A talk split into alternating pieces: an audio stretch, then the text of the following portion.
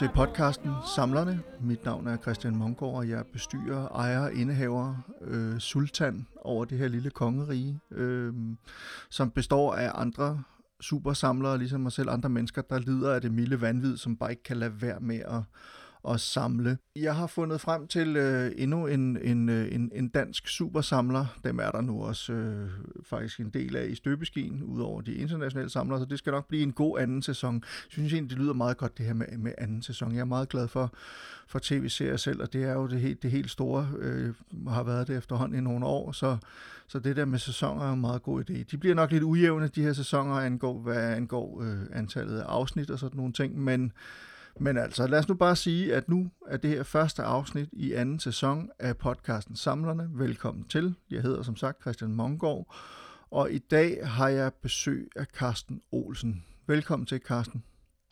Tak skal du have, Christian. Carsten, kan du ikke begynde med lige at fortælle lidt om dig selv? Jo, det kan jeg godt. Jamen, øh, du er jo, som du siger så pænt, en af supersamlerne. Jeg synes du ikke, at jeg er så super, men jeg er nok en samler, der samler lidt på lidt af hvert. Øh, og jeg har så lidt forskellige interesser, men, men mange af mine interesser, de, øh, de centrerer sig rigtig meget omkring rumfart. Og øh, det gør også, at en, en, en del af det, jeg også laver lidt i mit øh, civile liv, det er, at jeg er en, til daglig en del af Copenhagen Suborbitals, som øh, arbejder på at skyde en raket ud i rummet med en mand ombord. Øh, verdens første amatørraket. Øh, jeg har faktisk været tidligere formand der engang. Og så har jeg det, vi kan alle sammen kalder et betalt bidjob, hvor jeg til daglig er pædagogisk leder på en skole på Amager. Så det vil sige, at, at jamen det er også sådan lidt, jeg har det nogle gange, at, at det vi i virkeligheden laver, det er vores samleri og alt det sjove, vi laver ved siden af, og så, så, så arbejdet, det kommer i virkeligheden i anden række. Jeg må jo så sige, at fordi jeg er filmanmelder og indimellem også tegneserieanmelder, boganmelder tv-serieanmelder, så, øh, så har jeg det lidt sværere med at adskille grænserne nogle gange, vil jeg sige. Det flyder meget sammen. Øh, Carsten, du og jeg, vi har jo mødt hinanden en, en del gange efterhånden, og det har jo sådan primært været i, i forbindelse med sådan populære kulturelle arrangementer, blandt andet på, på, et, øh, på, på nogle biblioteker, øh, og i forbindelse med Copenhagen øh, Comics også, øh, og, og i forbindelse med... Øh, comics-delen af øh, bogforum og sådan. Der er forskellige andre steder, hvor vi har, har mødt hinanden øh, øh, i, i, i den der verden. Er, er det også en af dine store interesser, hvis vi vender tilbage til det med rumfarten ja. senere, men, men jeg tænker det her med det populære kulturelle og tegneserien og sådan noget? Ja, jeg er, jeg, jeg er, meget, jeg er meget interesseret i, øh, i populær kultur. Altså, det går jo alt fra tegneserier, Star Wars er min helt store passion, film, som du jo selv er en del af det danske filmmiljø, eller anmeldermiljø, eller hvad vi skal sige, øh, er en meget, meget stor del af, af mit liv også. Øh, tegneserier især. Jeg læser rigtig mange tegneserier. Jeg har en større tegneseriesamling også. Er også alt for stor, ifølge min hustru. Øh, øh, men det, det er jo et klassisk tema i øh, den her podcast-serie, som vi måske kunne lave en... Øh, det var, at du skulle lave det hele øh, indslag omkring konerne i virkeligheden. ja, det er lige før de, de, de stakkels øh, samler, samlerkoner, som, som ja, er der. Ja, ja. ja, ja men, men, men du har ret i, jeg, jeg, øh, jeg frekventerer en del af alle de, øh, de danske øh, populærkulturs miljøer også. For det er også en meget stor passion, jeg har. Og så kombinerer ja. jeg den med, at jeg har en lille hobbyvirksomhed, hvor jeg også erhverver mig lidt som fotograf. Og, og, og, og det gør jo, at, at man kan kombinere rigtig mange dejlige ting, hvad enten det er rumfart eller populærkultur, øh, med, med at man faktisk kan gå ud og tage billeder af det. Og, øh, og, og det, så møder man rigtig mange søde og rare, venlige mennesker, og mennesker med passioner for noget af det, jeg selv er meget interesseret i. Præcis. Men, men så lad os prøve at vende tilbage til det med rumfarten, fordi det er jo i virkeligheden også det, vi skal snakke lidt om. Ikke at du samler, samler på rumfarter, og det gør du så måske alligevel. Øh, hvad, hvad er det, du samler ja. på, Carsten? Jamen altså, hvis man skal sige noget sådan omkring øh, temaet omkring rumfart, det er jo, jeg, jeg, jeg er meget optaget af rumfart, og har været det, siden jeg har været øh, et lille barn. Altså det har været en del af mit liv stort set altid. Jeg husker ikke, hvornår og hvordan det er kommet ind. Men jeg voksede op i den post-Apollo øh, månelandingsperioden, øh, kort tid efter, at den sidste månelanding er, er, er foretaget. Og, øh, og, og det har bare altid været en del af mit liv at være, være dødinteresseret i det. Jeg er en af de drenge, der altid drømte om at være astronaut. Og øh, sådan senere undervejs, så, øh, så opdager jeg, at der er mange måder at, at gå til det på. Og en af, en af, en af måderne, det er, altså jeg, min, min kone, hun plejer at mor sig over og, og, og sådan grine lidt over, at, at under vores seng i vores soveværelse, der, øh, der ligger en halv raket, fordi jeg har også samlet på rumskrot, der har fløjet ud i rummet og kommet ned igen. Eller, eller autografer af astronauter, øh, meteoritter for eksempel, går jeg rigtig meget op i også. Øh, men det der sådan er, er, er, at det vi blandt andet skal tale lidt om i dag, det er jo, det er jo bøger. Det er jo rumfartsbøger. Og de bøger især, som er signeret af en eller anden kendt øh, personlighed, der har en relation til, til, til rumfart i verden. Men og, og det lyder jo, øh, jeg, jeg kunne godt tænke mig at spørge, øh, jeg synes, det lyder jo ret spændende, fordi jeg, jeg har jo også altid selv været fascineret af rumfart, og jeg kan huske faktisk, da jeg var ikke ret gammel og sad foran en fjernsyn et eller andet sted i Midtjylland og så, da den første rumfærge øh, faktisk lettede, så det på, på, på direkte tv på en eller anden lille sort-hvid flimrende tv-skærm dengang, for, for snart sagt mange år siden. Ja, det altså, at der var noget, nemlig var noget meget fascinerende i det, og, og har også set de, altså jeg må også sige, lige i øjeblikket må det jo også være sådan nærmest næsten lidt, det må være lidt ekstra spændende for, dig, for sådan en som dig i øjeblikket, som, som rumfartsnød, øh, skråstrej nørd, at, øh, at der er så mange film og tv-serier, der handler om rumfart faktisk. Øh, at, altså, udover at vi lige har fejret, øh, øh, hvad hedder det, øh, månelandingens jubilæum, og, og der har været en, en, en, en hel del omkring det, også dokumentarfilm og nye dokumentarfilm og sådan noget, men så har der også været altså First Man, og der har været øh, Proxima, og øh, hvad hedder det, øh, den, hvad den hedder, den med, med Brad Pitt og øh, jeg pludselig ja, kan huske, hvad hedder. Ja, det samme her. øh, at Astra hedder den. Ja, det er øhm, og, og så er der, jamen så har der selvfølgelig været, øh, altså ja, flere andre, men så også, der er også tv-serier og sådan noget, som, som fokuserer på det her. Lige nu er kører der en tv-serie for eksempel på, på Disney+, Plus, øh, som hedder The Right Stuff, som jo er en, en, en ny dramatisering af Tom Wolfs meget berømte bog om ja. øh, nogle af de første øh, ja, noget af det første, som NASA begyndte at lave, da NASA ligesom blev grundlagt, og man begyndte at tænke på, hvordan fanden kommer vi ud af rummet. Nogle af de mennesker, der var involveret i det dengang, det blev tidligere i, hvornår har det været, slutningen af 70'erne, blev det til en film af øh, Philip Kaufman, som ja, hedder mener, det var 70, ja. ja. Præcis, og nu har man så lavet en, øh, en, en tv-serie ud af det. Sådan noget. Så jeg tænker bare, altså det, det, det må også være noget af det, du har lagt mærke til, at har kunne mærke, at, at, at, at rumfarten, eller interessen for rumfarten, og, og det der med at komme ud i rummet, på en eller anden måde har fået en renaissance i de senere år. Ja, det kan du tro, jeg kan. Jeg har jo også en meget stor passion, som, øh, men jeg også elsker science fiction. Øh, og, og, men, men, men i forhold til de film, som du lige nævner nu, der også sådan popper op, det er afsindig rart og dejligt at se de her øh, populærkulturs fortolkninger, som sker af, af, af de historiske begivenheder. Man kan, man kan synes, at de er gode eller skidte, eller man kan synes, at de formidler deres stof godt eller skidt, eller at de er tro eller ikke særlig tro mod, mod oplægget. Øh, men, men der kommer rigtig meget af det i øjeblikket. Der, hvor jeg kan synes, det kan være lidt svært, det er, når vi sidder og ser en, en, en film som Ad Astra, eller, eller, eller den tidligere med Sandra Bullock. Jeg kan dårligt huske, hvad den hedder efterhånden, fordi jeg prøver at skubbe den væk i min bevidsthed. Øh, hvor at, Gravity. At, ja. Undskyld. Gravity. Ja, Gravity, korrekt, ja. Øh, hvor at, at, at, at det, jeg, jeg kan sagtens købe øh, eventyret og som science fiction eller historien i det. Men når det ligger sig for meget op og forsøger at sælge sig lidt for meget som øh, rigtig realistisk rumfart, så må jeg indrømme, så er jeg en af dem, der sådan står lidt af og sådan, ryster lidt på hovedet og siger, ja ja, men det er meget fint. Men der er nu ikke lyd i rummet. Så det, det duer ikke, eller hvad det nu kan så, være. Så, så er jeg lige nødt til at spørge dig om en film, og nu, nu skal du passe på, hvad du svarer, ikke? Fordi jo, jo. Øh, det her det er en af mine yndlingsfilm. Er det Gravity? Nej, det er det, øh, Interstellar. Det er Interstellar, Interstellar ja, ja. ja. Hvordan, hvordan har du det med Interstellar? Jamen, jeg har det faktisk... Øh, jeg har det faktisk rigtig fint med Interstellar. Uh, McConaughey er jo en fabelagtig skuespiller. Ja. Øh, og, og han bærer jo det her værk fantastisk flot. Det er jo en enorm stemningsfuld film, som jo er smuk på mange måder. Øh, men den, og, og så tager den jo også et udgangspunkt i en nær fremtid, som vi jo ikke ved eksisterer øh, i, i forhold til hele dilemmaet, øh, hvis, hvis, hvis, hvis, hvis vi bare benægter alt, har det så nogensinde eksisteret, eller har det ikke eksisteret?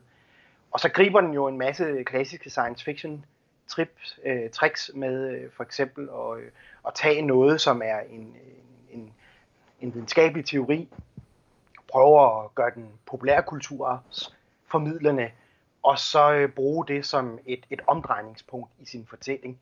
Øh, Star Trek har jo gjort det tusindvis af gange, og, og, mm. og det synes jeg faktisk, den gør. Øh, den gør det faktisk ganske rimeligt, synes jeg.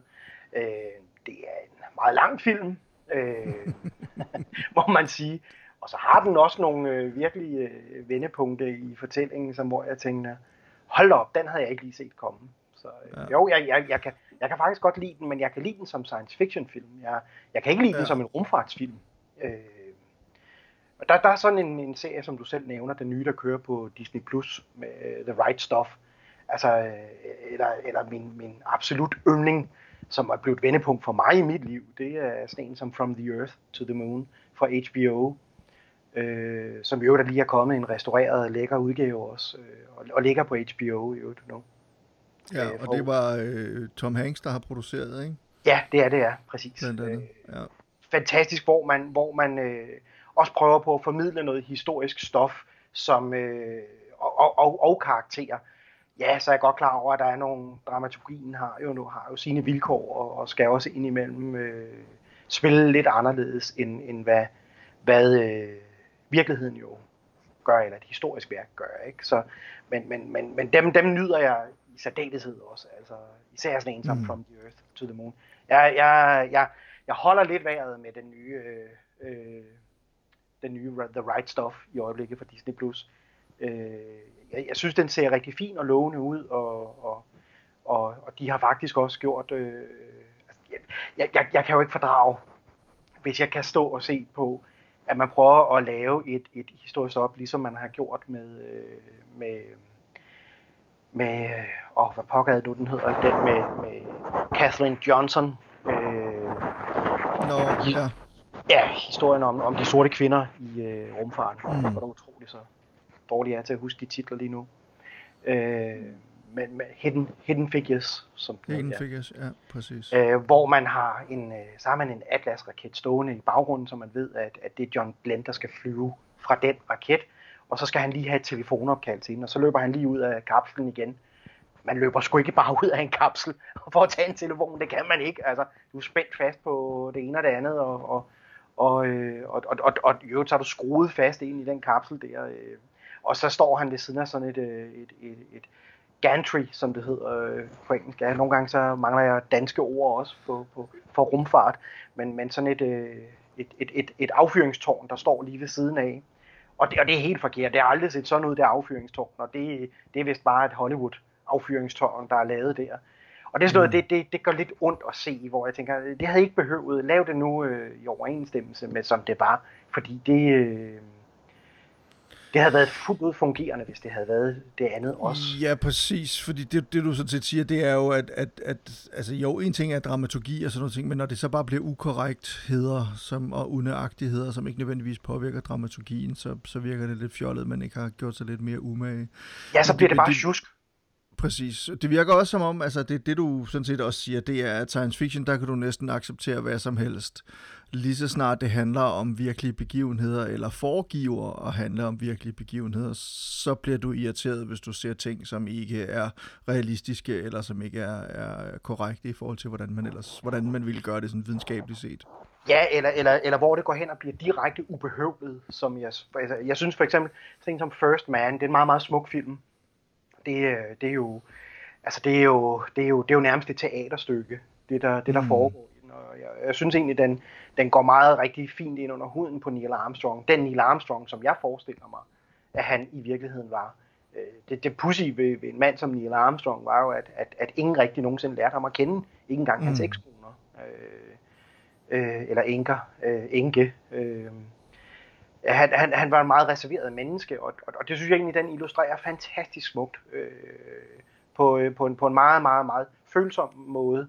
Men, men der, hvor jeg, hvor, jeg, hvor jeg tænker, at kammerspillet også går lidt øh, galt, det er, når det så også begynder at portrættere en mand som for eksempel Boss Aldrin, som et lettere fjols, altså som sådan en ufølsom øh, mand. Det, det, det, der er ikke nogen, der noget, der har indikeret i rumfartens historie, at han har været en, et usympatisk fjols. Ja, en mand, der nogle gange var lidt off, men, men, men, men, men det er der, hvor jeg synes, ah, det, er en, det, er en, det er en amerikansk nulevende legende, der stadigvæk er, og nu er man så uretfærdig og hård ved den mand. Det, det, er, sgu ikke, det er sgu ikke helt fair. Øh, jeg tror også, hans familie var vist også ude og, og sige efterfølgende, altså Boris Aldrins familie, jeg kan ikke huske, at han lever selv stadigvæk, ikke? Øh, jo, det gør han ja, det gør han ja. Um, og jeg tror nok, de var ude og sige det der med, jamen på noget hør, det er vi ikke helt tilfredse med, det der, det passer altså ikke. Nej, det, det, det, synes jeg heller ikke, det, det der, hvor at, at, at havde man behøvet det for dramaturgien eller ej, det, det, er, jo, det er jo et rigtig godt spørgsmål, men, men jeg, jeg, jeg synes så, er det måske et forkert valg at gøre øh, mm. på den måde. Jeg, jeg synes i hvert fald, ja. det var ikke retfærdigt. Altså manden, manden er, han var den på daværende tidspunkt den eneste øh, Ph.D.'er. Øh, han, var, han var doktor i, øh, de kaldte ham Dr. Rendezvous derovre, fordi han, var, han havde, han havde, han, han var, han, han taget en doktorgrad i øh, orbitalmekanik, som er noget meget komplekst beregninger om, hvordan ligger man sig i rumfartsbaner omkring jorden, og når man, når man nu kommer ud, at det ikke bliver en ellipse, og det bliver, det bliver et cirkulært øh, kredsløb, man skal igennem, og, og, og det er temmelig komplekst. Jeg har kun forstået en lille bitte fli af det. Øh, manden var et, et, et geni, og så blev han så fremstillet som så usympatisk, lidt og smådum. Altså det er sådan, øv, synes jeg. Ja. På noget, der ellers var rigtig, rigtig flot, smukt kammerspil, ikke? Altså. Ja, præcis. Lad os lige prøve at springe tilbage, inden vi går for alvor går i gang med at snakke om, hvad det er, du samler på, øh, og hvad det er med de bøger, og første udgave og signatur og alt muligt andet. Øh, så vil jeg gerne lige spørge, altså, øh, om, om du kan prøve at sætte et par ord på, hvad det er, der fascinerer dig ved rumfart. Altså, hvornår, om det for eksempel var, da du sad og så opsendelsen af den første rumfærge, at du pludselig ville bidt af det, eller var det, da du første gang så The Right Stuff, eller øh, et eller andet ja. den stil. Altså er der et øjeblik, hvor du kan huske, at det var der, du sådan for alvor, hvor, det, hvor du gik fra at være fascineret af det, ligesom jeg tror, de fleste mennesker er, mænd og kvinder, at man kan jo sagtens være fascineret af det, og uden nødvendigvis så at, at dykke lige så langt ned i det, som du har gjort. Øh, fordi det er jo lidt af en bedrift, det her med, Altså, jeg, jeg får det jo nogle gange, den der fornemmelse, når man sidder i en flyvemaskine, og pludselig tænker, at jeg sidder i en, tyk, en, en stor tyk metalcigar, 10, 10 km over jordens overflade og bevæger mig fra den ene ende af verden til den anden ende, og så tænker man lidt over, hvor utroligt det egentlig er. Så har jeg ovenikøbet internet også, og det kan godt være, det ikke fungerer så hurtigt, som jeg gerne ville have, men det fungerer dog. Ja.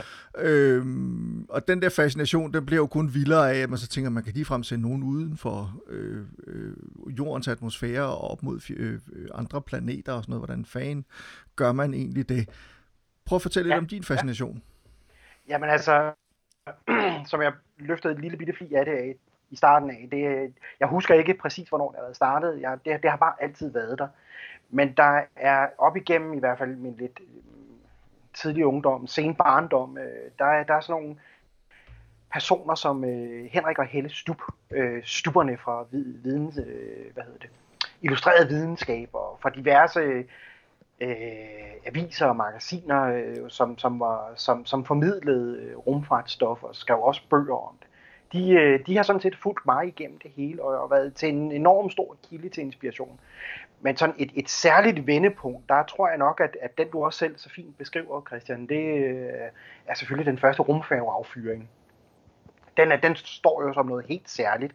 Og i dag, jo mere jeg, jeg også selv har sat mig ind i, hvad fint skete der egentlig, og hvorfor valgte man det, man gjorde med, med, med rumfærgen, øh, hvorfor træffede man de valg, man gjorde, så er det en bedrift uden forhistorie, det man rent faktisk gjorde den dag, da John Glenn og Bob Cribben, de satte sig op i, i, øh, i Columbia-færgen og, og blev skudt afsted. Øh, det var, det, var, det var noget helt særligt og helt unikt. Og, og faktisk så, øh, jo mere jeg også har sat mig ind i det, var det faktisk også meget, meget tæt på at gå rigtig, rigtig galt. Det var faktisk lidt af et, at, at under, at, at da rumfærgen skulle have sin genindtræden i atmosfæren, at den faktisk ikke brændte op. Den havde faktisk mistet rigtig mange af teglene, som, øh, som havde store konsekvenser i 2003, da, mm. da ja, og det var jo så Colombia faktisk også, der dengang, øh, mange, mange år senere jo, øh, 18 år senere faktisk brænder op under en genindtrædelse i atmosfæren. Og det var faktisk ved at ske nøjagtigt lige sådan. Øh, eller ikke helt nøjagtigt lige sådan, men, men næsten lige sådan var det faktisk ved at ske dengang i 81. Så det blev et meget stort vendepunkt. Øh, men, men der hvor at, at, at det for mig sådan bliver en, en, en rigtig, øh, rigtig ja, med indtræden af internettet, at, at, at, at internettet der i midt-90'erne, at det bliver en mulighed på vores studier, i hvert fald der hvor jeg gik, øh, der, der havde vi da vores egen internetcafé, og man kunne sidde og browse rundt. Lige pludselig så kunne man både komme i kontakt med andre mennesker, der vidste noget om det her, der vidste meget mere om en, og man, det er ligesom om, der åbnede sig en verden om, om øh, efter det gamle øh, Sokrateske, om at, at, at man anede ikke, hvad man ikke vidste, og, og, og lige pludselig så ligger der en hel, hel verden for ens fødder. Øh, men det er meget komplekst stof, og øh, en ting mm. er den teknologiske kompleksitet, der ligger, men, men, men det, som også er meget komplekst i det, det er jo også, øh, det er også alt den forrygende meget matematik, der også ligger bag. Hvordan, hvordan, og, hvordan, hvordan, øh, hvordan er naturlovene, hvordan virker de, og hvordan, hvordan, hvordan, hvordan, hvordan, får man egentlig, hvordan forhindrer man en ting falder ned på jorden, ikke? Øh, hvad for en hastighed skal man opnå, og alle de her ting.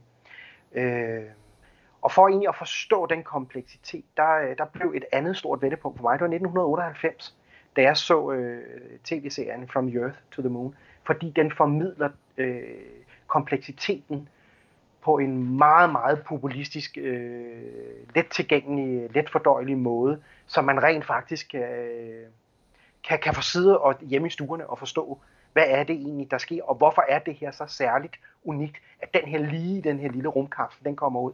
Og, der, og, og, og det bliver et, et, et, en måde, hvorpå, at for mig, der bliver det sådan, øh, det bliver sådan et, yes, det hele, det gik mm. bare hak. Her kunne jeg begynde at forstå, hvad det var, det handlede om. Her kunne jeg samle alle trådene.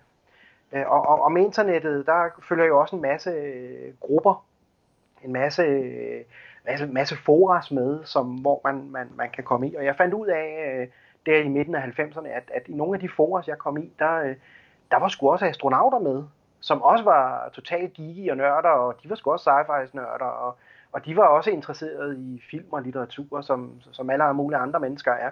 De var jo lige pludselig mennesker, det var ikke bare helte, vel? Øh, mm. Man kunne komme i kontakt med dem, der havde side i mission-kontrollen øh, i, i Houston under Apollo 13. Øh, de, de kunne, man kunne stille dem spørgsmål, man kunne, man kunne tale med dem, eller tale, man kunne skrive med dem.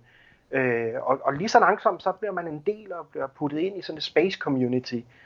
Og, øh, og, og med det kommer også adgang til information og adgang til, til øh, særlige bøger, øh, rumskrotstile, øh, ja, kakler fra en rumfave, og, og hvad det nu ellers er, man sådan falder over af mystiske øh, ting og sager. Øh. Mm. Og, jeg, jeg, er lige nødt til at, jeg, jeg er lige nødt til at hurtigt spørge dig noget, inden du fortsætter, øh, Carsten. Undskyld.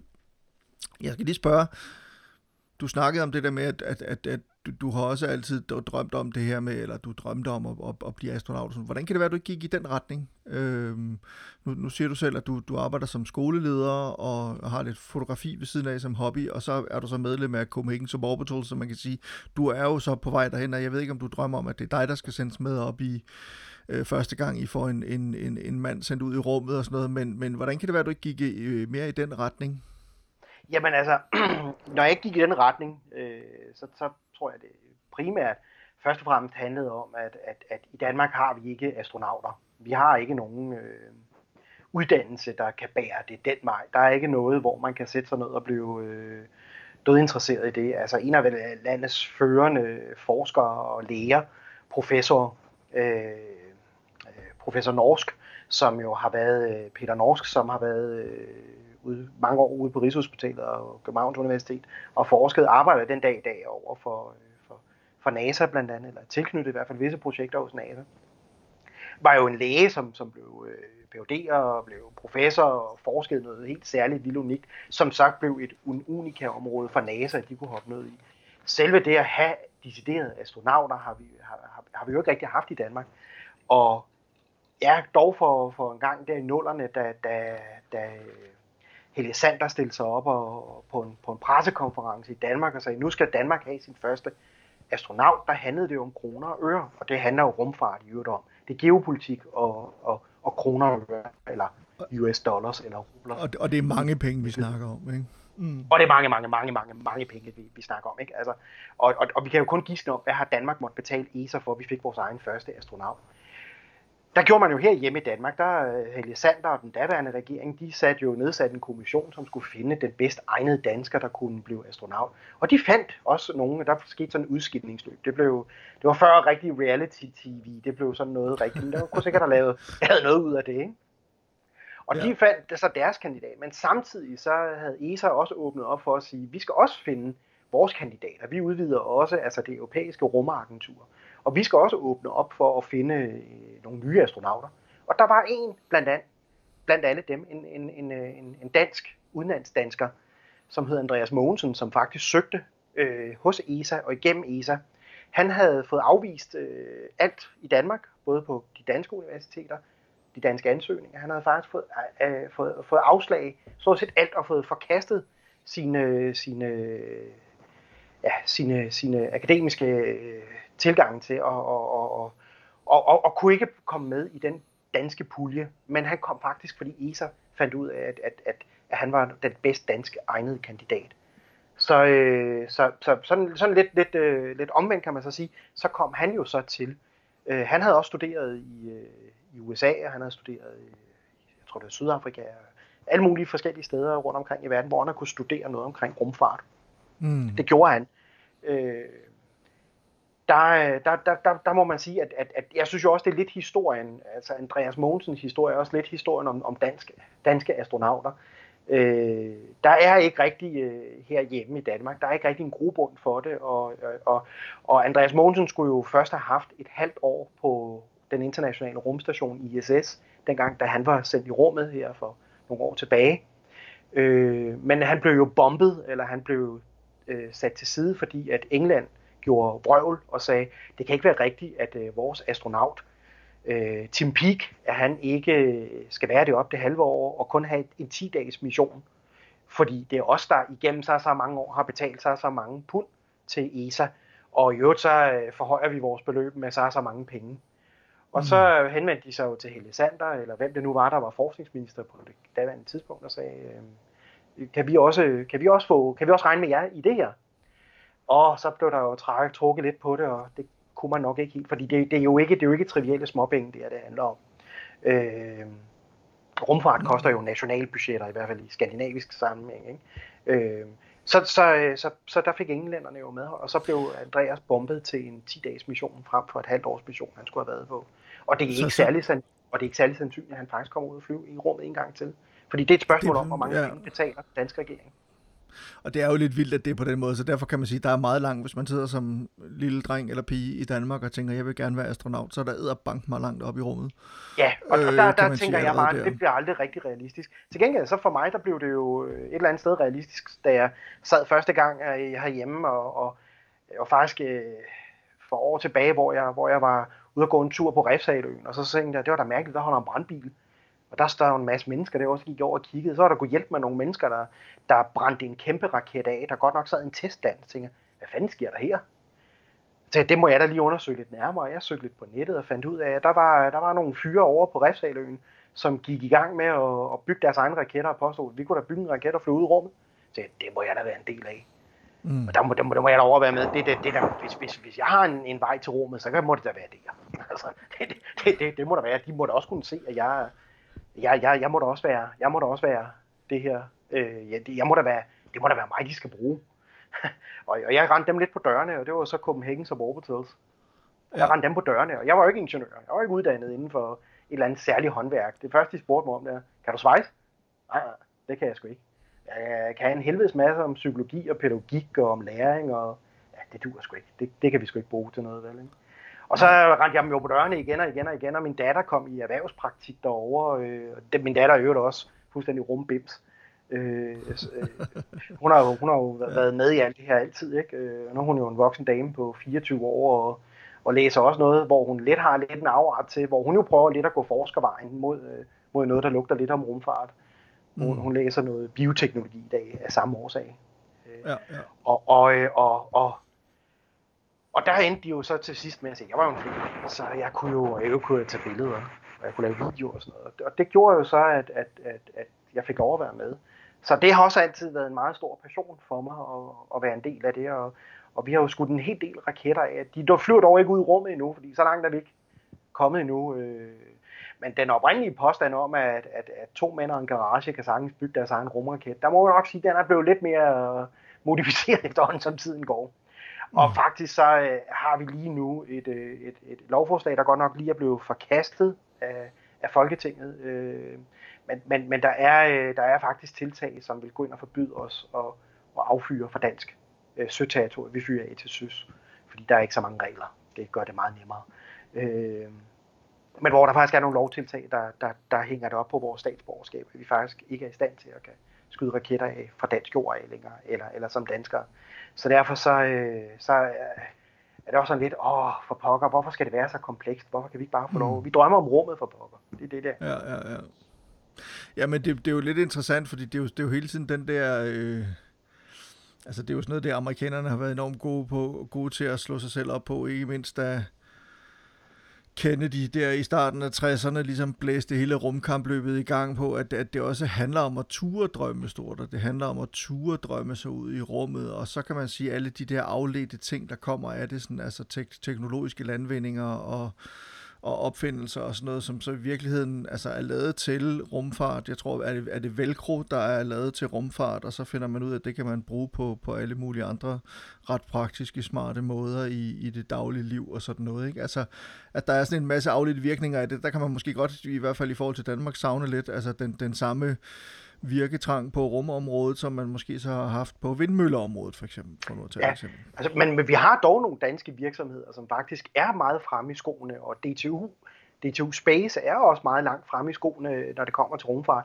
Men det er jo en eller anden lille bitte dims, øh, et eller andet spin-off øh, derfra. Og, og, øh, og, og, og nogle af de danske virksomheder, som også er meget aktive i det, og, og som også er væsentlige spillere for blandt andet NASA, ESA og Roskosmos, det russiske rumagentur, er, er, øh, er, er også væsentlige og er super knalddygtige.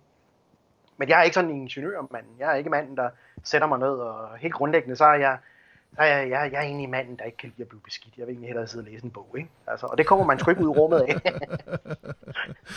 Men så lad os, øh, Carsten, lad os vende tilbage til, til bøgerne, fordi, altså, som du selv har været inde på, du, du samler på mange forskellige ting, der har med rumfart at gøre. Jeg kunne godt lige tænke mig at høre, du snakkede noget om før, om tegl fra en rumfærge. Har du simpelthen et stykke af en rumfærge liggende under din seng?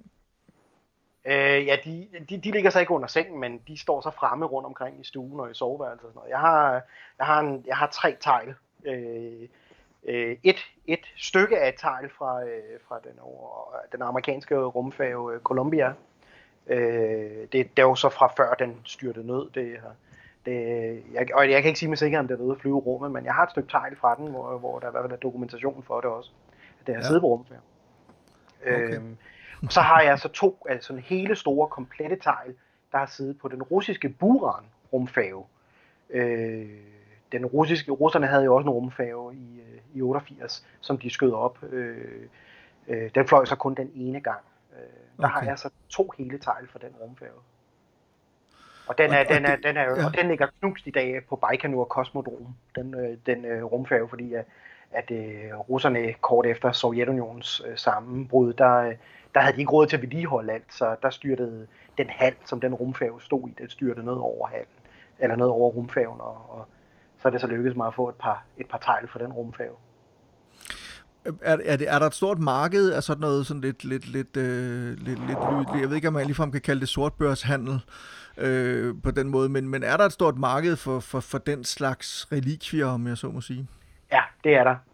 Især hvis det er nogen, der har haft en særlig, øh, en, en, en særlig øh, betydning eller særlig kendt i, øh, i forbindelse med rumfart, ja, så kan, og, og der er the sky's the limit, altså for hvor meget man prismæssigt. Lige nu for eksempel, der i den tv-serie, som, som kører lige nu med, med øh, på Disney Plus channel, øh, The Right Stuff, der er en af de lover, som sidder på, på øh, Mercury-kapslen, har lige været til, til salg hos et af de store amerikanske auktionshuse. Og det var uh, Teslas bestyrelsesformand, der endte med at købe den, og den kostede den luge der, den kostede øh, en kvart million dollars. Hold da, ja okay. Så det vil sige, hvis man... Så det er ikke øh, trivielle penge, vel? Altså, det er... Nej, det, det er ikke små beløb. Så, Ej, så det, det- vil sige, hvis man, øh, hvis man fik et stykke af Apollo 13, så ville det sikkert også være dyrt. Ja, jeg og jeg har faktisk et lille stykke af Apollo 13. Jeg har et lille bitte, bitte stykke af, af noget af den net, der var inde i, øh, inde i, øh, inde i månelanderen. Øh, der var sådan en masse net, hvor de kunne lægge ting ind i. Og der, der var et af de net, der kom med tilbage. Og der er en eller anden, der på et tidspunkt har fået fat på det fra... Jeg ved godt, hvem de er, for der er jo, det handler om proveny meget af det her.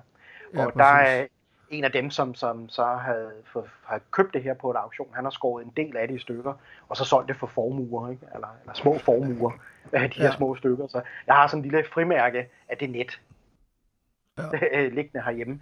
Øh, og, og det har jeg sådan fra, også fra Apollo 11 og sådan det fra det forskellige. Og, og, de, øh, de kan altså være relativt kostbare, synes jeg. Altså det er klart, det er jo peanuts i forhold til, hvad sådan en hel luge for en Mercury-kapsel kan koste, men øh, Men altså, hvis man ligesom kan bevise Ja. proveniensen, altså tilbage til, hvor, hvor kommer den her fra og sådan noget der, så, så Ja. er det klart, så, så betyder det mere, at, at det her, det kan potentielt være et eller andet, som, øh, som Neil Armstrong, han har haft øh, sine ting liggende i.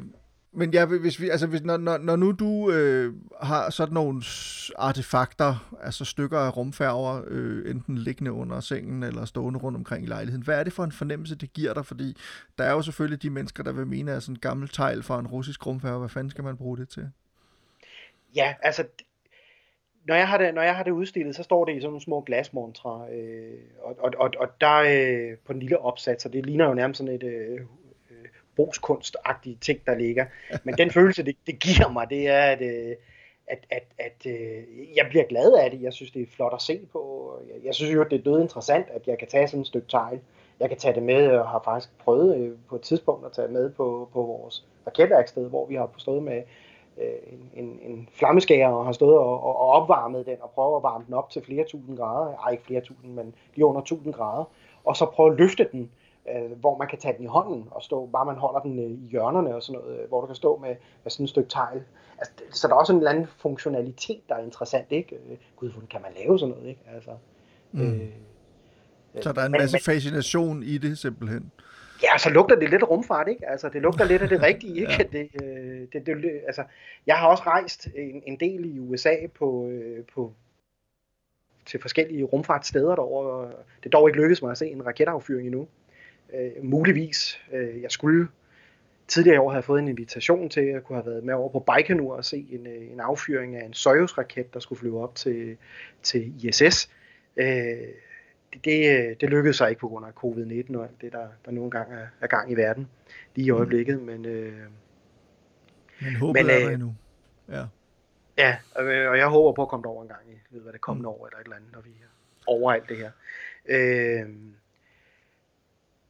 der er det jo også, det er jo, det er jo, det er jo fantastisk fascinerende at, at, at, at, kunne se de rigtige ting og røre ved dem. Og, og, altså det der, ja, du kalder det i din tidligere podcast for taktiliteten, ja, den sanselighed, der ligger i det, ikke? Øh, synes jeg jo også er spændende. Nu lige de der tegl skal man helst ikke røre ved, fordi de, øh, de, er, de er bygget med, med, med, med nogle stoffer, som ikke er helt sunde øh, for dit helbred. Det er også derfor, de står i nogle små glasmontrer.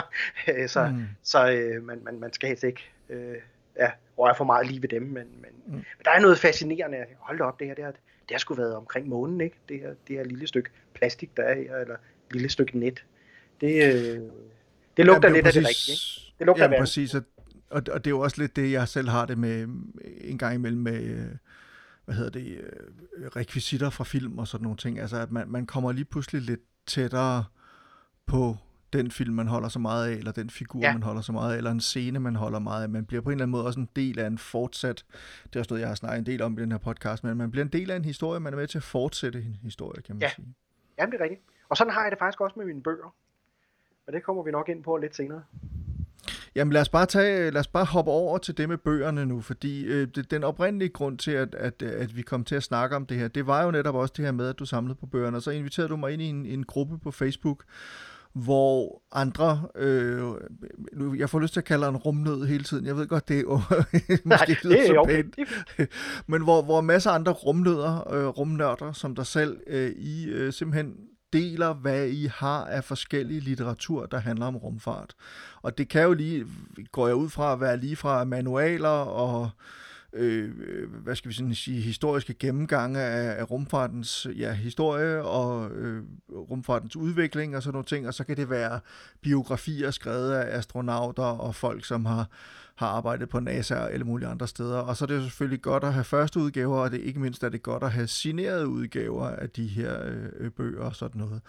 Fortæl mig lidt om, øh, om, hvordan du så begyndte, fordi jeg tænker, at, at det er jo selvfølgelig meget naturligt, når man begynder at interessere sig for rumfart, og når man øh, bliver fascineret af det, og også kommer med i sådan noget som Copenhagen Suborbitals, og så det ene og det andet, og du ovenkøbet selv siger, at du vil hellere sidde og læse en bog, end du vil svejse. Så det der med bøgerne må, må tidligt for dig. Også, det var ligesom måden at komme tæt på, også når man bor i Danmark. Vi igen, vi har været inde på det her med, at det, man er meget langt fra at blive astronaut, meget langt fra at komme ud i rummet, når man, når man bor i lille Danmark. Men en måde, man kan komme lidt tættere på det på, ud over film og tv, det er jo selvfølgelig bøgerne. Så prøv at fortælle mig lidt om, om udviklingen i dit bogsamleri. Ja, men den, den går lidt i hånd i hånd også med, med, med internettet her, som i, øh, som jeg talte om lidt tidligere om, at, at, at lige pludselig går det jo op for mig, at øh, der findes rent faktisk bøger skrevet af de astronauter, altså de der helte, de der, der har taget været på de der, der har været på måne. Ham, der kørte rundt på, på en rover op på månen. Øh, han har faktisk skrevet sine, øh, sine erindringer ned. Okay, så bliver det lige pludselig tilgængeligt, at man, at man at kan få fingrene i dem. Så finder jeg ud af, som du så fint siger, Christian, øh, det her med, at, at, at så er det første udgaverne, der bliver interessant. Så er det den særlige lækre indbundne udgave. Så er det den, hvor der er signeret af, af, af astronauten, eller det oprindelige manuskript, eller hvad det nu kan være øh, for, for nogle ja, manualer. De er jo det vanvittigt høj kurs, de der manualer. Øh, der skal man af ja. med et par, et par tusind dollars for at få fingrene fat i de originale manualer. Især hvis de ja, har været ejet af nogle af de vigtige folk, ja. Øhm, og der er der øh, i de grupper her, som, som du også fint beskriver, Christian, der, der, øh, der deler vi selvfølgelig en masse både oplysninger, men også øh, viser dem show over for hinanden selvfølgelig, men, men også til inspiration, øh, og så skaber det enormt mange kontakter. Altså en ting er, hvad der foregår up front, en anden ting er, hvad sker der lidt bagved. Øh, den gruppe, jeg selv har inviteret dig med i, der er også en anden gruppe, der, der består meget af, af, af, af rumfartsforfattere, som jeg også mm-hmm. deler i, og, og lige pludselig, så har jeg også fundet ud af, at det her det er også med til, at jeg laver det her show over for viser, hvad det er, jeg har i min samling øh, øh, så er det også med til at både danne nogle kontakter, hvor at, at der er nogen, der bliver opmærksom på, gud, du har de her bøger, øh, kan du hjælpe mig, der skulle være noget omkring øh, det her, jeg er ved at skrive en bog om det her, kan du hjælpe mig med et eller andet, øh, kan du tage en scanning af den side, fordi jeg kan ikke få fat på bogen, den er helt udgået, den er umulig at få fat på, jeg har brug for den til min nye bog, eller øh, nogen, der også skriver, ej, du burde da have den her bog i din samling af min, og den vil jeg rigtig gerne skrive en, øh, en signatur til dig og sende dig. Kunne du tænke dig at købe en bog af det, ikke? Øh, eller nogle gange, så, ja, så har jeg så fået dem endda så gar foræret nogle af dem, ikke? Øh, mm.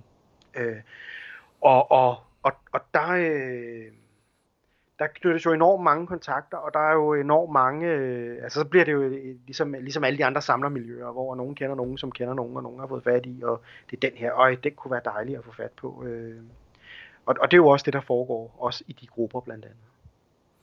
Men, men, øh, men lad os prøve, kan, kan vi prøve at tage et par eksempler på, hvad, hvad det kunne være for nogle bøger? Altså, og det må selvfølgelig også gerne være nogle af de bøger, du er allergladest for. Ja, altså, jeg, jeg, jeg, jeg, altså en ting er, jeg, jeg, er meget, jeg er meget glad for rumbøger i det hele taget, og det er jo også, også på dansk, især på dansk. Jeg har en meget stor svaghed for, for gammel dansk rumfartslitteratur. Der kommer ikke så meget på dansk. Øh, der, der kommer måske maks en enkelt bog om året eller to, øh, og dem labrer jeg i mig med det samme. Øh, jeg, jeg får fingrene i dem. Men, mm. øh, men, men, men, men det er meget engelske bøger, og der begynder også at komme flere og flere russiske bøger. Det er så lige en udfordring, fordi jeg har, jeg har en række kriterier for, at bøger skal være i min samling.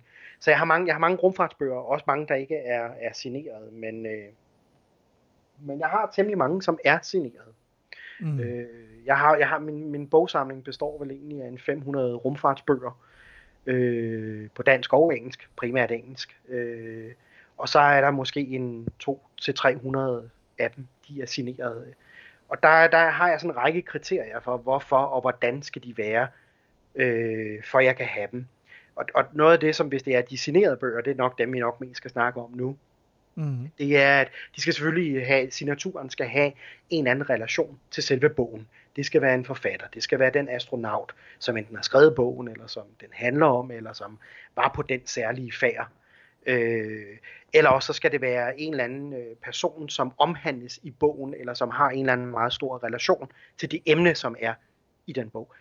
Eller også så kan det være en bog med en helt særlig dedikation til en anden rumfarts øh, personlighed, politiker eller, eller et eller andet.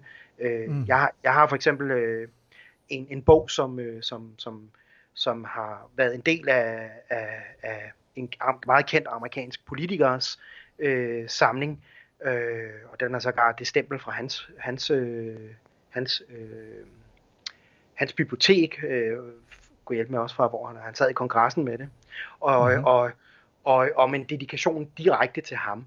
Eller også så skal det være nogle bøger, som har været, øh, som er særlig ex libis, altså som er, kommer fra en, en helt særlig kendt øh, rumfartssamling. For eksempel så har jeg et par bøger, som, som stammer fra, øh, hvor der faktisk fulgte et par, par originale breve med, med korrespondence mellem den pågældende astronaut øh, øh, og, og forfatteren, som, hvor den handler om en af de tredje øh, astronauter, den bog her, hvor de havde noget og, og noget korrespondence. Øh, og det er faktisk øh, den bog, for eksempel, det er en, der hedder Light, Light This Candle, som, øh, som handler om øh, Al Shepard, som var den øh, allerførste amerikanske astronaut, der blev skudt ud i rummet. Spoiler, hvad der er, der sker i, øh, i, i uh, The Right Stuff-serien. Mm, det er ham, der mm, faktisk er meget primært portrætteret lige indtil videre i de første tre afsnit i den her serie. Og så er det en korrespondence mellem Gordo Cooper, Gordon Cooper, som, som er den anden astronaut, som er hans sådan, kan man sige, meget tætte konkurrent. Og øh, Gordon Cooper er, var en mand, som var meget kendt for at ikke at lægge fingre imellem. Han var, han var sådan meget direkte i sin form og, og tale, og, og den her bog, den er, den er, den er skrevet øh, i, øh, i slut 90'erne, hvor man ikke rigtig var begyndt at snakke om øh, alt det utroskab, som rent faktisk foregik. Altså det, det er et stort skred, at man begynder at skrive om det. Den oprindelige uh, The Right Stuff bog, den omhandler meget, meget lidt alt det her kvindesværmeri, som astronauterne foretager. Det er sådan noget, mm. som den bog blandt andet har, har været inde at beskrive. Og der kan man så se, der har, der har det været sådan, øh, det, har, det har været i rumfartskredsen, hvem var egentlig kilden til det her? Jamen, jeg har så fået brevkorrespondancen med, da jeg købte den bog. Jeg kan se, at det er faktisk Gordon Cooper, der var kilden til det her. Så det er jo sådan noget, der lige pludselig bliver interessant øh, og, og dykke ned i at sige, gud, hold op, det er sgu da Gordon Cooper, der afslørede. Det var Al Shepard, der lå og rode rundt med alle de unge damer, øh, når han var i Florida og alt det her. Hold da op, nå, mm. det er ham, der Gud ved, nå, det er det. Det kan også sætte nogle ting andre lidt i perspektiv. Så der er sådan en bog, der kommer fra Gordon Coopers eget bibliotek.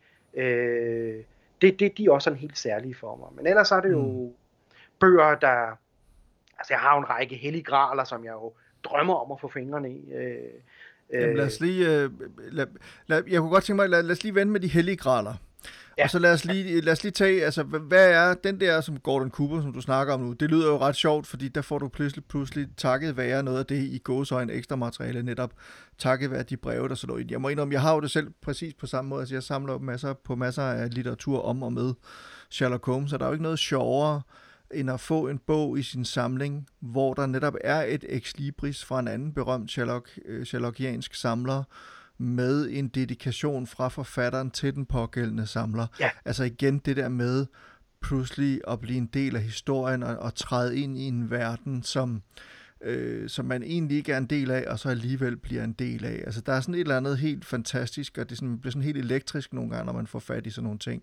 Eller hvis der ligger et, et avisudklip i, eller netop et, et lille ja, brev præcis. fra den ene samler til den anden, eller forfatteren til samleren, eller fra samleren til forfatteren, eller hvad pokker det nu måtte være. Så den der for Gordon Cooper der, det, det lyder som om, det er sådan en af dem, du, du sætter højt i, i, i din egen samling. Hvad er der ellers i din samling, som, altså hvad er nogle af de hvad skal vi sige, de, de, de bedste ting, du har stående i din samling lige nu? Altså den, den aller, aller, aller bedste ting, jeg har stående, og, det, og det, den bliver også svær at overgå, fordi det er en af, en af de hellige grader, kan man sige, inden for området. Og det er, at jeg har rent faktisk min første udgave på russisk af Yuri Gagarins selvbiografi, signeret af Yuri Gagarin. Hold da op. Og den, øh, den, den, er, den, er, den er fra 61, øh, så vidt jeg husker, og om det lige er 62. Jeg kan ikke lige helt huske om det er det. er lidt svært nogle gange, fordi det står med kritiske bogstaver, så det, det er ikke så let tilgængeligt at læse, lad os sige det sådan. Øh, men der var jeg så heldig, at, øh, fordi for mig der er det også rigtig vigtigt, at mine rumfartsbøger, at jeg kan læse dem. Fordi for mig, ja, det er et samleobjekt, men det er først og fremmest en bog og en kilde til viden. Så jeg har brug Mm. for at, at, at læse de bøger også. Men der var jeg så, så heldig, at lige i, i, i halen af det her, der fandt jeg faktisk en dansk udgave af den bog. Det viser, at den har været udgivet i øh, 1962 på forlaget Fortuna, som var øh, det øh, forlag, som, som jo var en del af, af, af finansieringen fra den russiske ambassade med den kulturimperialisme, man jo lavede, som er beskrevet rigtig godt i Peter Øvis bøger omkring Blikkingegadebanden. Mm. Øh, fordi det er det forlag, som er med til at drive den Appelgruppe, som sidenhen udvikler sig til, til, øh, til, til, øh, Til Blikkingade. til Blikkinggade. Ja. Ja. Og, og, Ja. Og, og, og har fået fat på den bog i sin første udgave på dansk fra det forlag. Og kunne hjælpe med, da jeg så bladrer igennem, så ligger der et udklippet artikel om en dansk barn, som i anledning af, at Yuri Gagarin har, fø, øh, har fløjet, da det barn blev født den dag. Det var der skrevet en, en, en artikel om, jeg tror det var i politikken om, at det barn skulle selvfølgelig hedde Julie Larsen eller et eller andet. og, og, det, og, det, og det er jo sådan noget, hvor jeg tænker, ej hvor er det guld at finde sådan nogle små øh, mm. avisartikler mm. Inde i, øh, eller avisudklip i, i, øh, i sådan nogle gamle bøger. Så ja, jeg har, det, for mig det er en hellig gral, den signerede Yuri Gagarin. Jeg, det, her, det, her, det, her, det, det er bare en drøm at få fingrene i den. Den er desværre ikke i en særlig god stand, men det må jeg leve med. Men den er, den er i god nok stand til, at, at, at den både er, den er en bog stadigvæk, og, og den er komplet og alle de her ting, og smudsomlaget øh, er omslaget er også i orden og alting, men, men, Mm. men øh, eller intakt er det ikke. Øh, men, men det er, det er, det er sådan den, den hellige grad, og, og så er der enormt meget falskneri i det her også, for der, der kan være temmelig mange penge i den. Den bog har jeg også Mm. måttet betale en god slat penge for.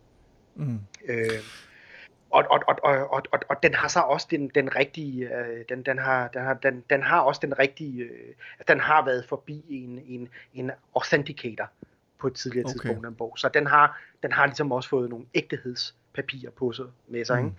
Så det er ikke bare sådan en, en, en, en falsk en. Så det, det koster. For, for, fortæl mig lige lidt om det der falsnerier, fordi jeg tænker også, altså både i forhold til bøger, men vel også i forhold til, altså enhver kan jo komme med et stykke tegl og så sige, det her, det var sgu op på, øh, Ja. det, det var med på Apollo 13, det skal du lige give 100.000 for. Altså jeg mener, så, så jeg tænker, at, at der må være sådan et community, hvor man hjælper hinanden, men, men så må der jo så også være de her brødne kar indimellem, øh, som så forsøger at, at svindle og tjene penge på det, fordi som du siger, altså, og sådan er det jo næsten inden for alle øh, grene af, af, af samleriet, om jeg så må sige. Altså samler man på et eller andet, så er man også ofte villig til at give forholdsvis mange penge for noget, man har let efter længe. Og så er man jo lige pludselig et, om ikke et let offer, men så i hvert fald et potentielt offer for, for svindlere. Ja. Øh, prøv, prøv at fortælle mig lidt om den del af det. Altså der, der, der er sådan to retninger i det, kan man sige. Den ene, ting, den ene vej, det er lidt bøgerne og autograf øh, forfalskningerne. Det, det er så en ting. Men den anden ting, som du også selv hiver frem om, det er tegnene. Eller, det man skal vide, det er alt amerikansk rumfartsudstyr, og i øvrigt også europæisk. Det er lidt, det er lidt mere tricky med det russiske. Øh, men, men alt det amerikanske er nummereret. Der er stemplet nummer ind i hver en lille bitte del. Altså en hver skive, en hver skrue er nummereret med et helt unikt følgenummer. Det er jo blandt andet en del af det, der gør, at det er så hunde, hunde dyrt. Men det er rigtig vigtigt, at, at alting er nummereret, fuldstændig nedskrevet, dokumenteret. Hvor har det siddet? Hvem har sat det i? Hvem er kontrollanten? Og så videre, så videre inden for system engineering, som er, er den metode, man arbejder ud fra i NASA blandt andet. Og det gør, at man kan, man kan, man kan faktisk øh, man kan få adgang til, til arkiverne, man kan få adgang til, til dokumentation, hvor man rent faktisk... Altså jeg har en skrue fra en af rumfærgerne for eksempel. Der er et lille nummer stemplet ind i. Jeg har fundet en pdf-fil ved NASA, hvor det faktisk fremgår, hvad for en rumfærge og hvornår har den siddet der. Gud hjælp med, hvad det var for en tekniker, der skruede den i, men også hvad det var for en tekniker, der skruede den ud igen. Så der er et Mm. enormt dokumentationsarbejde, og det skal jo være på sin plads. Øh, alt, alt den slags. Det er den ene ting, men hvis vi hopper over til bøgerne igen, så øh, den del af det, man kan sige, rigtig mange af de her bøger er jo ikke specielt mange penge værd.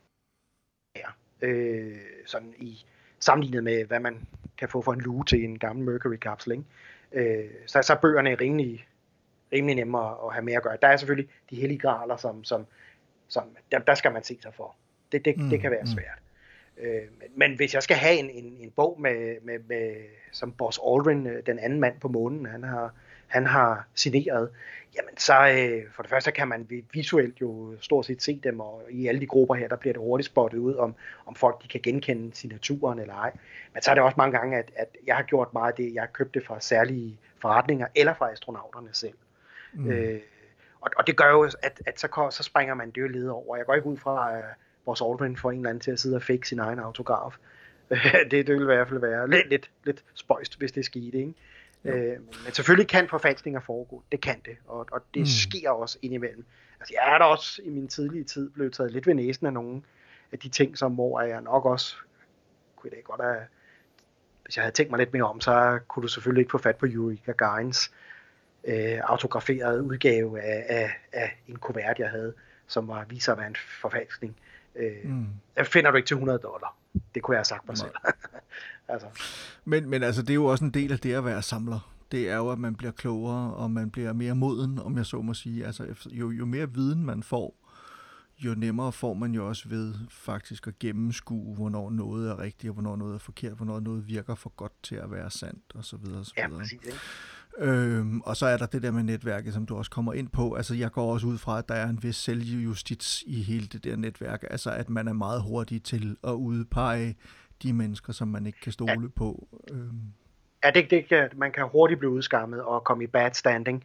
Og bliver du det i vores space buffs miljø eller space geeks miljøer, så, så, øh, altså, så, så du får ikke et ben til jorden igen. Mm. Ja, du kommer ikke til at, du skal du ud og finde øh, folk, som er uvidende om det, for, for at snyde. Og, og, det, og det er relativt få beløber, ikke? Altså, du kan jo få nogle, mm. nogle gode pragteksemplarer, nogle gode bøger, men dem kan du få for et par hundrede dollar signeret, ikke? Øh, mm. Øh, og, og, og, og det er jo relativt små penge, ikke? Altså, sammenlignet med, at du skal give en kvart million dollars for, for en lue, ikke? For en luge. ja. det lyder også helt åndssvagt. En kvart million dollars for en luge. Hvad hedder det? Øhm, Carsten, nu lad os prøve at snakke om de hellige graler nu. En af dem, ja. det er Yuri Gagarins, en første udgave af hans øh, selvbiografi med en signatur i der er ligesom sat flueben ved den. Jeg ved ikke, om du er sådan en samler, der også kan finde på at opgradere, hvis du en dag fik et rigtig godt tilbud, og det viser, at du kunne købe en, der var meget pænere, en meget pænere udgave af den samme bog, om, om du så kunne finde på at gøre det. Det kan vi lige, måske lige tage bagefter, men, men hvad, hvad står der ellers på listen over, altså jeg går ud, har du sådan en hitliste på 10 ting, du simpelthen bare gerne vil have fat i, og så måske også sådan en, en har du også en smertegrænse økonomisk i forhold til, hvad du vil give for de forskellige ting? Altså smertegrænsen, den, den ligger der helt naturligt altid, synes jeg, fordi at, altså det er, the sky's the limit. Altså der, der, du kan, lige så mange penge du har, lige så mange penge kan du bruge på det, ikke? Øh, og, og der må man bare gøre op med sig selv, hvad, hvad vil man? Så smertegrænserne er der selvfølgelig. Øh, men, men man kan sige, at jeg har sådan tre overordnede øh, kategorier af, af, af hvor det, det i virkeligheden er mest signaturen, jeg går efter, ikke? Tilbøgerne. Øh, det er den ene, den ene kategori, det er rumfartens fædre, kalder jeg dem som regel. Altså det er dem, som ligesom øh, grundlagde alt det teoretiske stof bag. Der, der, er, der er tre. Der er den russiske Konstantin Tsiolkovsky, det var ham, der for den første allerede i slutningen af 1800-tallet beskrev øh, flertrinsraketter. Det her med, hvordan kunne du, øh, hvordan kunne du minimere vægten, når du, når du, når du, når du hele tiden smider noget væk, ikke? Øh, mm. efterhånden som du forbrænder Øh, så var der, er der den amerikanske Robert Goddard, som var den faktisk den allerførste, der i, øh, i 1916 øh, fløj med den første, øh, det der hedder en biliquid rocket, en øh, bipropel raket, øh, øh, hvor det er to væsker, der blandes, og så giver den her meget, meget høje øh, kontrollerede eksplosion. Mm. Og så er der den sidste, som er en, en østrig-ungar, der hedder Hermann Obert, som var øh, før, altså mellemkrigsårene, som var, var sådan den, øh, hvad kan man sige, den, den tekniske øh, mand, der udarbejdede matematikken bag det hele. Øh, ja. Og i øvrigt fik det underkendt i, sit, øh, i sin øh, doctors thesis, sin doktorafhandling. Øh, den fik han i øvrigt afvist. Øh, som så viser, at det er faktisk den, der lå til grund for alle de V2-raketter von Braun byggede senere.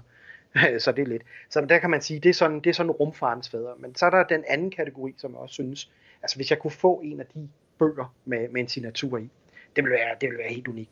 Men det er sådan nogle bøger, de ligger på, de ligger, de ligger på, øh, på museer verden over. Mm. Øh, det, det, det er ikke realistisk. Kommer ikke i nærheden af. Og, og hvis man kommer, så, så snakker vi en kvart million eller en million op efter. Ikke? Øh, Det, vil, det vil jo være helt unikt, ikke? Øh, men så er der dem, som er sådan lidt mere øh, tilgængelige. Det er dem, jeg kalder chefdesignerne, ikke? Det er den anden kategori. Chefdesignerne, mm. det er dem, som ligesom designede raketterne. Ikke? Der er sådan en mand som Werner von Braun. Han er, mm. det, er en, det er noget helt særligt. Ikke? Altså, den tyske raketforsker, som lavede V2-raketterne, der var chefdesigner på V2-raketterne i Peenemünde i Tyskland, bombarderede London og Antwerpen med dem øh, senere.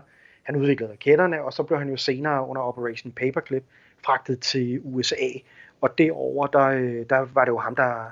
Ja, han endte jo med at være i går så en chefdesigner på Saturn 5-raketten, som jo fik Neil Armstrong og Buzz Aldrin til månen.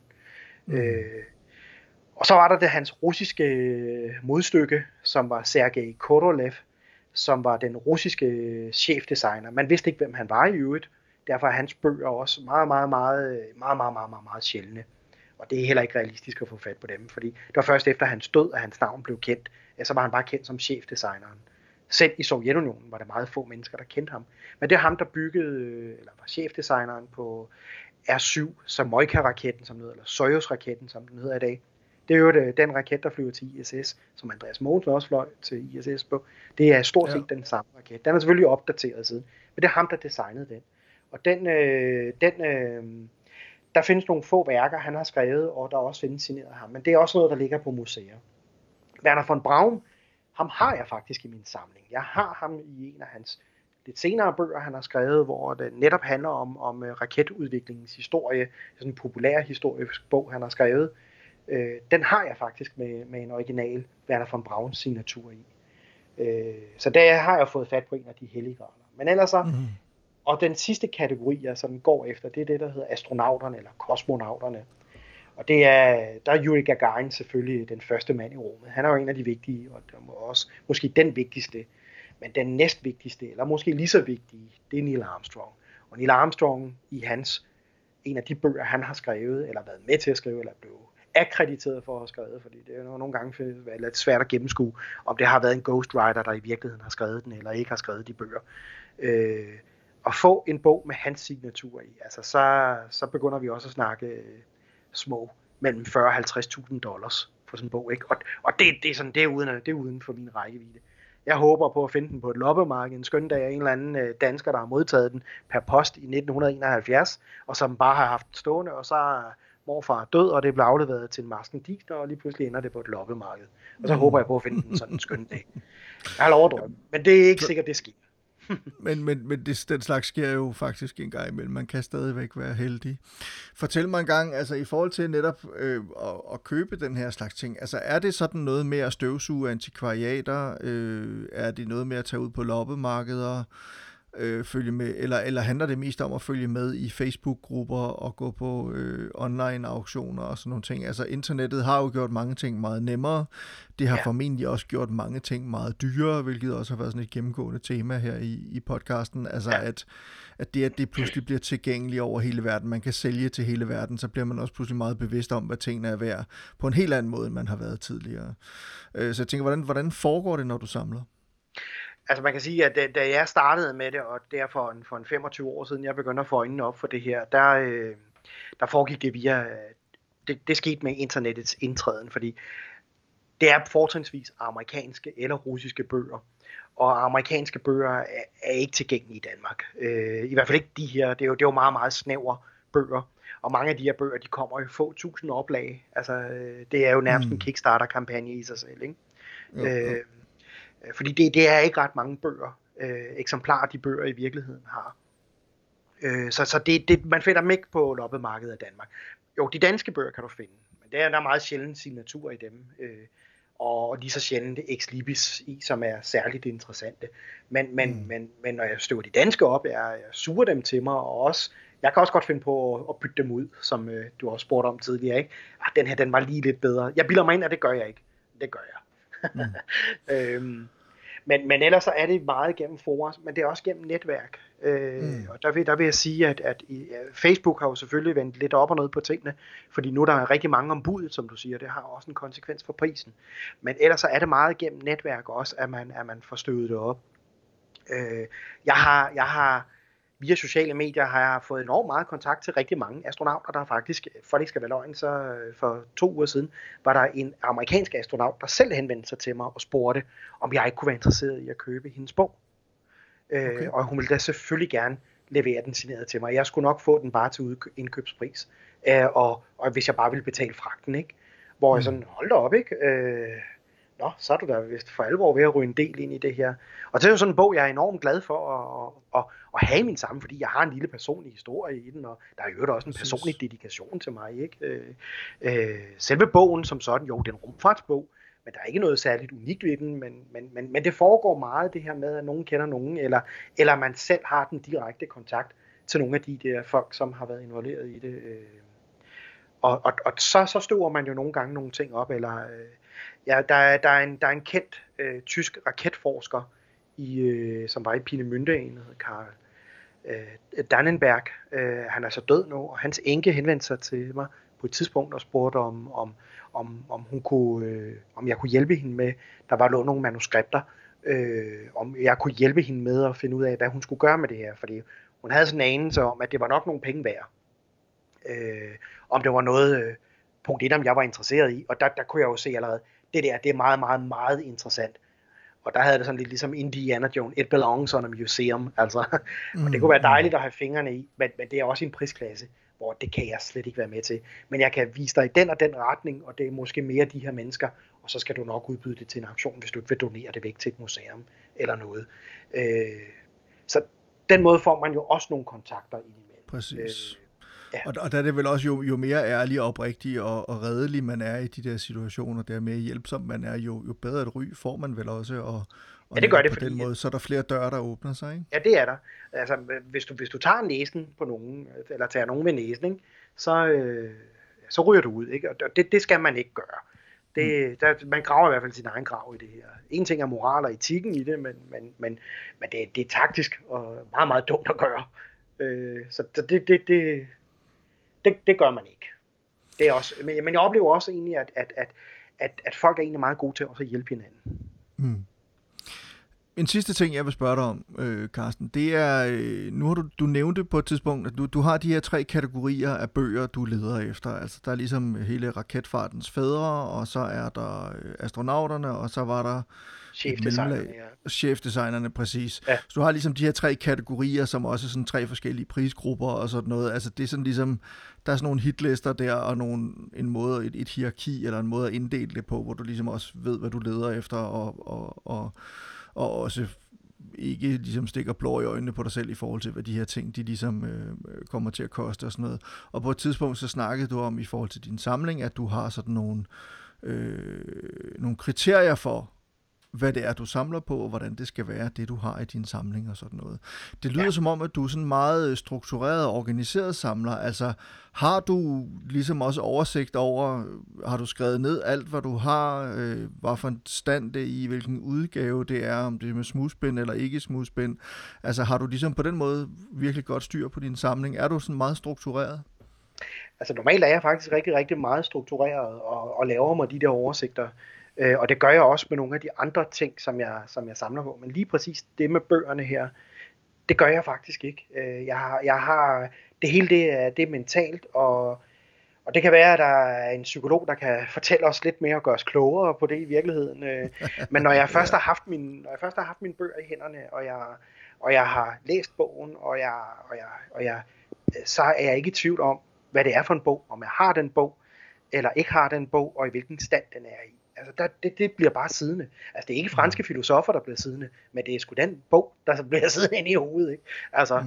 det, øh, det, det, jeg behøver ikke lister i forhold til det her. Det gør mm. jeg for eksempel med mine meteoritter, og, og, og, og også rigtig meget med nogle af mine tegneserier, hvor jeg, hvor jeg nogle gange også kan tendensere til at være en kompletist.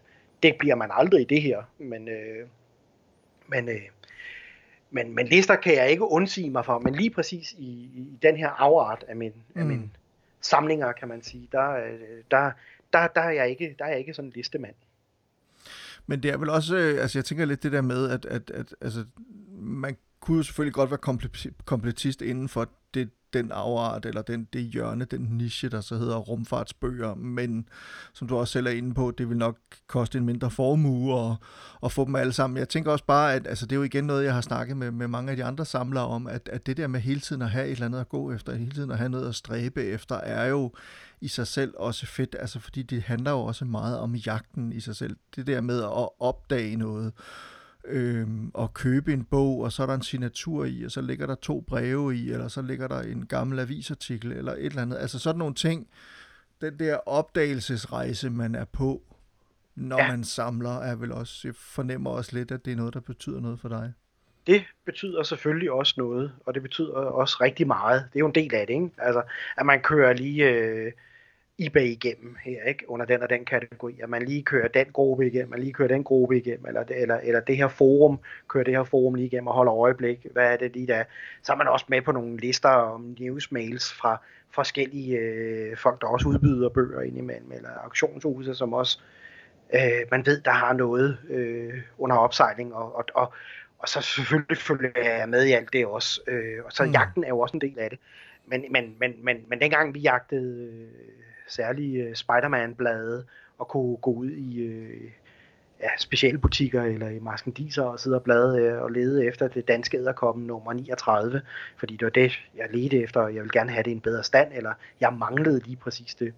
Det, øh, det kan man sige, det, det er der ikke så meget af i det her. Det er, det er, det er relationer, og det er øh, kendskab til grupperne, det er kendskab til, hvad det er for nogle steder, hvor du kan gøre en god handel en gang imellem, og og så videre. Og så skal man nogle gange også i det her være, være fræk som en slagterhund, og, og når man har set, at nogen har udbudt noget til salg meget, meget længe, så kan man nogle gange godt gøre en rigtig god handel ved at være, være fræk og tilbyde mhm. noget, der er langt lavere, og så har folk det jo med, at de falder til patten indimellem, fordi øh, når man kan vifte med, med lige præcis øh, måske bare halvdelen af det, som de drømmer om at få, øh, så, så, så det, det blødgør nogle mennesker en gang imellem, og så, mm så ender det hjemme hos mig. Men, men jeg er desværre rigtig god til, at tingene ikke ryger ud af min egen samling igen.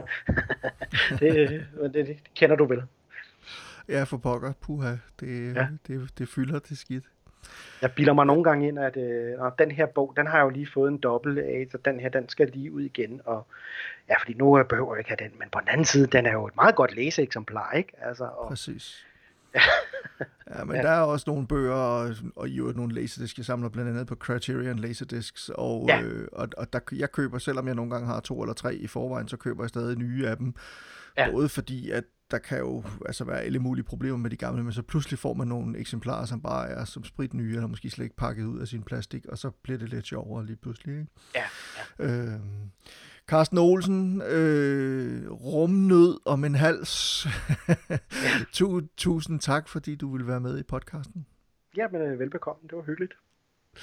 Det var det nemlig, og så vil jeg gerne sige tak til alle jer derude, der lytter med, og så vil jeg gerne lige lade komme med en lille reklame her til sidst. Øh, en reklame for mig selv, om jeg så må sige. Jeg har lige udgivet en, øh, en ny bog. Den hedder Robert Crumb, i Can't Do Pretty, og den handler simpelthen om den amerikanske tegneserie-tegner øh, og undergrundsikon Robert Crumb, som jeg havde fornøjelsen af at møde øh, et par gange øh, sidste år på, øh, på den danske litteraturfestival Louisiana Literature, som foregår på, på Kunstmuseet Louisiana. Jeg interviewede ham to gange, den ene med publikum på, den ene gang med publikum på, og den anden gang med, med kamera på. Og de to interviews har jeg simpelthen lavet til en bog nu øh, på engelsk, øh, som lige øh, udkommer her en gang i den 20. oktober udkommer den. Helt officielt, man kan allerede nu få den, hvis man øh, går ind på min hjemmeside mongård.dk-shop mongård.dk-shop, så kan man rent faktisk også købe sig et eksemplar, og man, jeg vil meget gerne signere det. Jeg kan desværre ikke få Robert Crumb til at signere det, men jeg signerer det gerne, øhm, og øh, ja, jeg synes jo selv, det er blevet en meget fin øh, lille bog øh, med masser af tegninger af Robert Crombie, og så et helt nyt selvportræt, han har tegnet øh, her i juni måned i år, som han gav mig lov til at, at bruge til forsiden.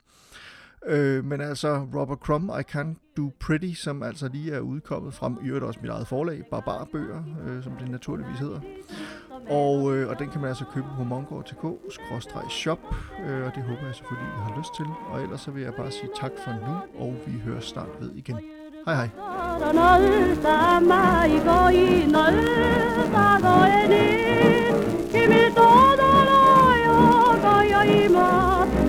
しを浴びて東京ウキウキリズムウキウキ心ズキズキワクワク世界の歌楽しい歌東京ブギウギブギウギ och gillar en arv